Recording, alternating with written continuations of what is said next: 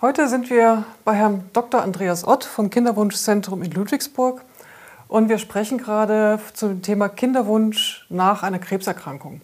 Bis jetzt haben wir schon darüber gesprochen, wie es denn vor der Therapie ist. Ähm, wie kann ich dann die Eizellen oder die Spermien einfrieren oder überhaupt gewinnen? Wir haben auch schon über die Kosten gesprochen. Und jetzt ist natürlich dann die Frage, wie geht es denn weiter nach der Therapie? Ähm, eigentlich die Kernfrage ist, dann habe ich die Therapie jetzt endlich abgeschlossen, aber man sollte ja vermutlich nicht direkt nach der Therapie anfangen, seinen Kinderwunsch also umzusetzen im Sinne, dass ich eine Befruchtung starte. Wie lange sollte man denn sinnvollerweise warten? Ja, das ist eine gute Frage. Ähm, das kann man so pauschal eigentlich nicht beantworten, weil es doch sehr stark vom, von der individuellen Situation abhängt, was für ein Tumor ist überhaupt diagnostiziert worden, welche genaue Therapie wurde durchgeführt. Insofern gibt es da keine ganz allumfassende Regel. Ganz generell sagt man ja so, ähm, wenn man die Therapie abgeschlossen hat und wenn dann fünf Jahre ähm, eben die, die Krebserkrankung nicht wiedergekommen ist, dann geht man ja davon aus, dass, sage ich mal, relativ hohe Chancen bestehen, dass dann auch später kein, kein Rezidiv mehr ähm, kommt und im Grunde genommen, also nach fünf Jahren könnte man auf jeden Fall dann eine Schwangerschaft anstreben.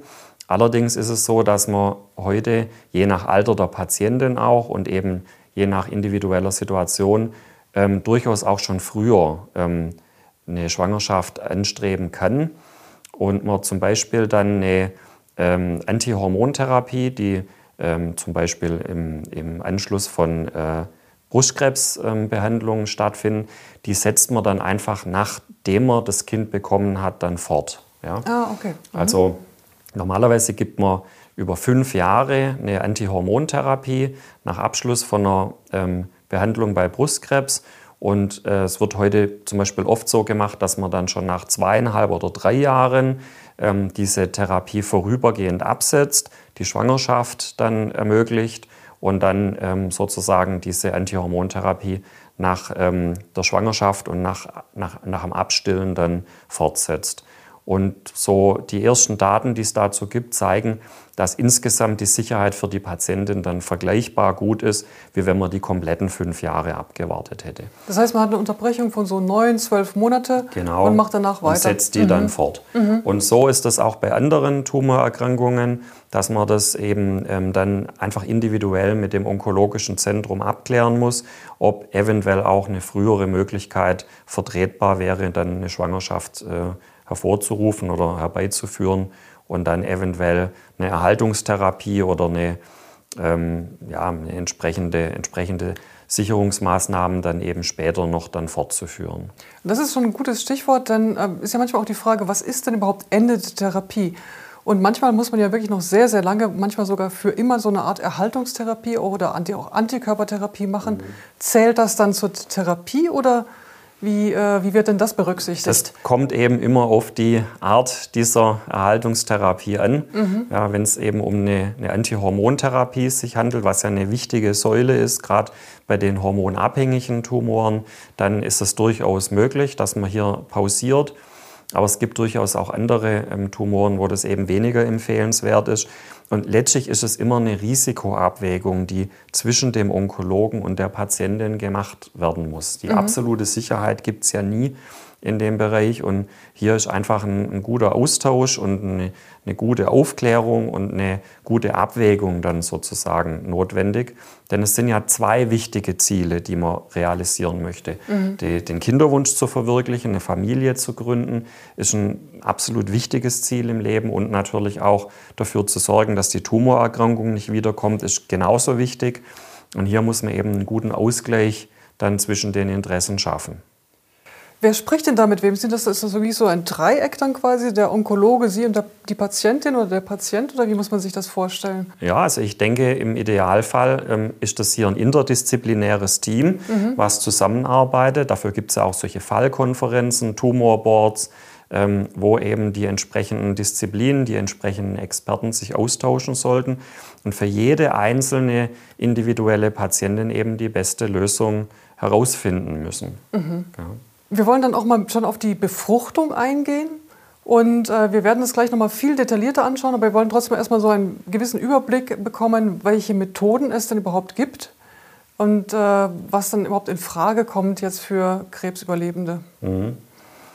Also ganz grundsätzlich ist es so, wenn Eizellen eingefroren wurden, ähm, also sprich eine Tumorerkrankung bei der Frau vorlag und hier Eizellen kryokonserviert wurden, dann ist immer eine Maßnahme der künstlichen Befruchtung notwendig, um diese Eizellen zu befruchten. Und zwar konkret gesprochen die sogenannte ICSI-Methode. Mhm. Die ICSI-Methode bedeutet, dass man eine einzelne Eizelle unter das Mikroskop nimmt und eine einzelne Samenzelle sozusagen aussucht und dann diese Samenzelle explizit in die Eizelle reingepiekst wird. Mhm. Das heißt, mit einer Samenzelle wird eine Eizelle befruchtet. Mhm. Ähm, eine andere Möglichkeit gibt es nicht mit diesen eingefrorenen Eizellen. Okay. Was auf jeden Fall nicht geht, ist, dass man die ähm, eingefrorenen Samenzellen einfach so in den Körper der Frau reingibt. Das wird in aller Regel nicht funktionieren, weil die Menge, die einem zur Verfügung steht, aufgrund der begrenzten Zeit, die man ja zur Verfügung hatte vor dem Start der ähm, Tumortherapie, da wird die, die Menge der Samenzellen nicht ausreichen, um sozusagen im natürlichen System, auf natürlichem Weg eine Schwangerschaft herbeizuführen. Ja. Man wird also die Befruchtung immer außerhalb des Körpers durchführen. Mhm. Ähm, es gibt noch die Möglichkeit, mit eingefrorenem Eizell, äh, mit Eierstockgewebe zu arbeiten. Ähm, wenn man das gemacht hat im Vorfeld, dann ähm, ist ja eine kleine Operation notwendig, um diese ähm, eingefrorenen Eierstock-Gewebestücke zurückzutransplantieren. Und dann muss man im Prinzip eigentlich gar nichts machen. Man muss nur abwarten und hoffen, dass dieses äh, eingefrorene ähm, Gewebematerial wieder an Aktivität sozusagen gewinnt und wieder auf ganz natürlichem Wege ähm, Eizellen sich bilden und eben es dann auch zu Eisprüngen kommt. Mhm. Ähm, wenn das gelingt, ist das natürlich eine ganz tolle Sache. Leider ist das Verfahren immer noch relativ experimentell und ist eigentlich nur für bestimmte Einzelfälle geeignet, aber sicher nicht für die große Masse der Patienten. Mhm.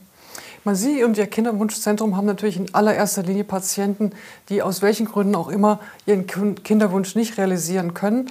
Aber wir sprechen ja heute über Patienten, die durch eine Krebserkrankung ähm, eben jetzt hier angewiesen sind auf, ich sag mal, Hilfe von Ihnen. Und das würde mich dann schon interessieren, gibt es dann Unterschiede in der Erfolgsrate oder kann man eigentlich sagen, dass Krebsüberlebende relativ ähnliche Erfolgsrate haben wie die anderen, die aus anderen Gründen äh, ihren Kinderwunsch nur mit Nachhilfe mhm. äh, realisieren können?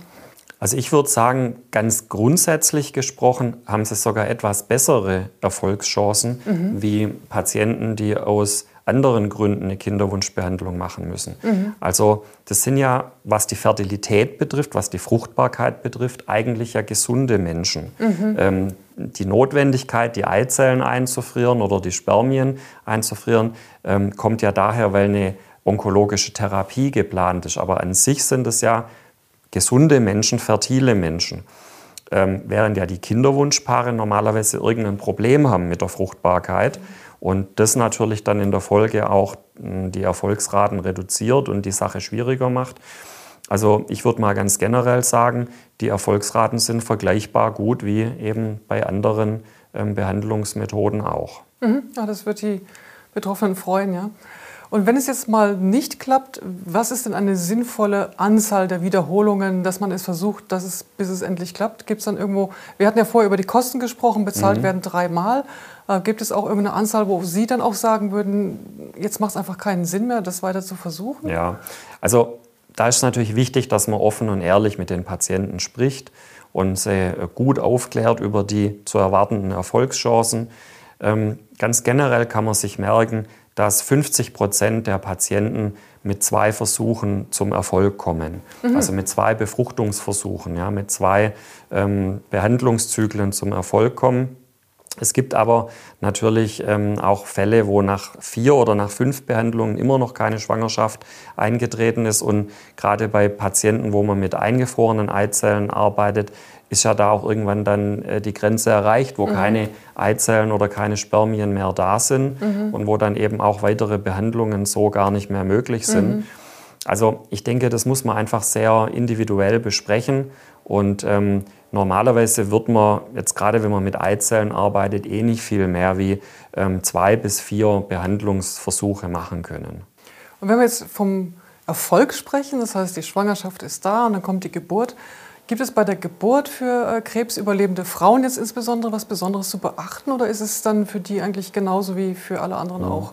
Also grundsätzlich ist es so, dass wenn man ähm, diese eingefrorenen Eizellen oder die Spermien dann zur Anwendung bringt später und daraus eine Schwangerschaft entsteht, dann ist das eine genau gleiche Schwangerschaft wie die, die auch auf natürlichem Wege entstanden wäre. Und der Schwangerschaftsverlauf, die Risiken bei der Schwangerschaft und auch die Geburt entsprechen den Risiken, die auch eine ganz normal eingetretene Schwangerschaft haben. Da gibt es also im Prinzip keine Unterschiede. Mhm. Brustkrebs, äh, eine, eine Patientin, die Brustkrebs hatte, kann die ihr Kind dann überhaupt säugen? Geht das? Oder? Ja, das kommt ein bisschen darauf an, was genau an der Brust gemacht wurde. Mhm. Also es gibt natürlich ähm, Fälle, wo zum Beispiel nur ein, ein, kleiner Knoten entfernt wurde, aber das Brustgewebe im Großen und Ganzen unbeeinträchtigt geblieben ist.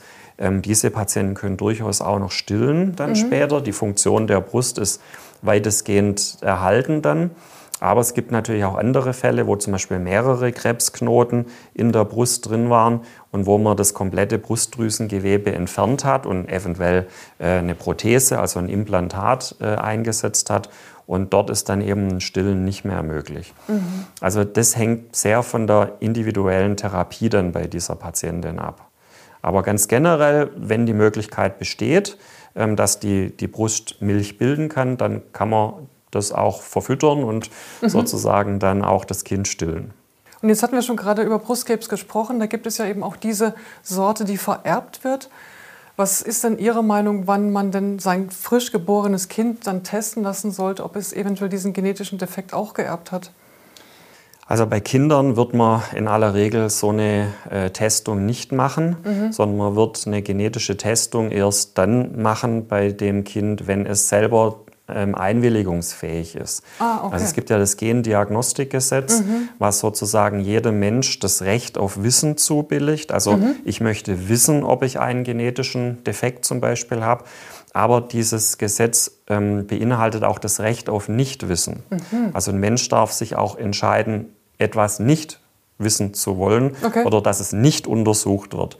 Und deshalb wird kein Genetiker bei einem Kind oder bei einem Jugendlichen diese Untersuchung durchführen, sondern man wird immer warten, bis das Kind rechtlich einwilligungsfähig ist, also volljährig ist, und dann ähm, kann man diese Untersuchung machen. Sofern dann so eine genetische Veranlagung für Brust- und Eierstockkrebs festgestellt wird, dann muss man natürlich zusammen mit dem, ähm, mit dem Zentrum, wo dann so ein Patient betreut wird, entscheiden, ähm, ob eben eventuell ähm, das Brustdrüsengewebe entfernt wird und in dem Zuge oft auch die Eierstöcke entfernt werden, mhm. ähm, weil eben ein hohes Entartungsrisiko, ein hohes Krebsrisiko bei diesen Patienten besteht. Und da bietet sich es natürlich dann auch an, im Vorfeld Eizellen einzufrieren, um dann die Fertilität für spätere Zeiten doch noch zu erhalten. Also Sie hatten es ja gerade gesagt, wenn die, wenn die Eizellen eingefroren wurden, dann geht nur die ICSI. Jetzt frage ich natürlich erstmal, was ist denn überhaupt ICSI? Und dann ist noch die nächste Frage, was gibt es denn sonst noch für Methoden in anderen Fällen?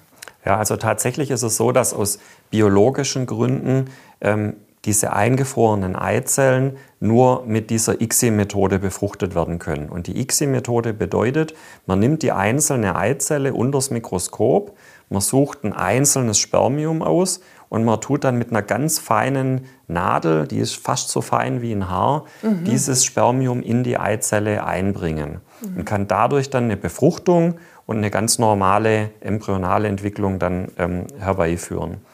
Ähm, es gibt noch ein zweites, äh, eine zweite Methode, das ist die konventionelle IVF-Methode. Und bei dieser Methode ähm, bringt man einfach die Eizelle und die Spermien zusammen und die Befruchtung findet quasi auf natürlichem Wege statt, nur eben außerhalb des Körpers. Und diese Methode kann aber nur eingesetzt werden, wenn vorher die Samenzellen eingefroren waren. Also wenn man auf eingefrorene Samenproben zurückgreifen kann. Man testet dann, ob die Samenzellen noch beweglich genug sind, ob sie vital genug sind. Und wenn das der Fall ist, dann kann es unter Umständen ausreichend sein, dass man dann die Eizellen, die man bei der Frau gewonnen hat, direkt mit den Spermien zusammenbringt und die Befruchtung dann auf quasi natürliche Weise stattfindet. Mhm. Ja, wenn die Eizellen vorher eingefroren waren und man jetzt sozusagen mit frischen Spermien arbeitet, dann ist eben nur diese ICSI, die etwas aufwendigere Labormethode möglich. Unterm Strich ist das aber für das Patientenpaar relativ egal, weil es handelt sich hier nur um eine Methode im Labor. Das heißt also, die ganze Behandlung drumherum ist für das Patientenpaar genau die gleiche. Lieber Herr Dr. Ott, ganz herzlichen Dank für diese wirklich ausführliche Erklärung. Wir haben gesprochen über die Entnahme von Eizellen, Entnahme von Samenzellen bei Männern, bei Frauen. Wir haben gesprochen über die Kosten, wir haben gesprochen über die Befruchtung und schlussendlich auch über die Geburt. Also schauen Sie sich auch gerne nochmal die anderen Filme davor an und bleiben Sie dran. Ach ja, bitte geben Sie uns Feedback zu dieser Episode unten in den Kommentaren. Wir möchten unsere Angebote immer besser machen. Wenn Sie also konkrete Fragen haben und Sie bestimmte Themen besonders interessieren, lassen Sie es uns unter dem Video oder per Mail wissen. Und übrigens, abonnieren Sie unseren Kanal, dann verpassen Sie keine weitere Folge.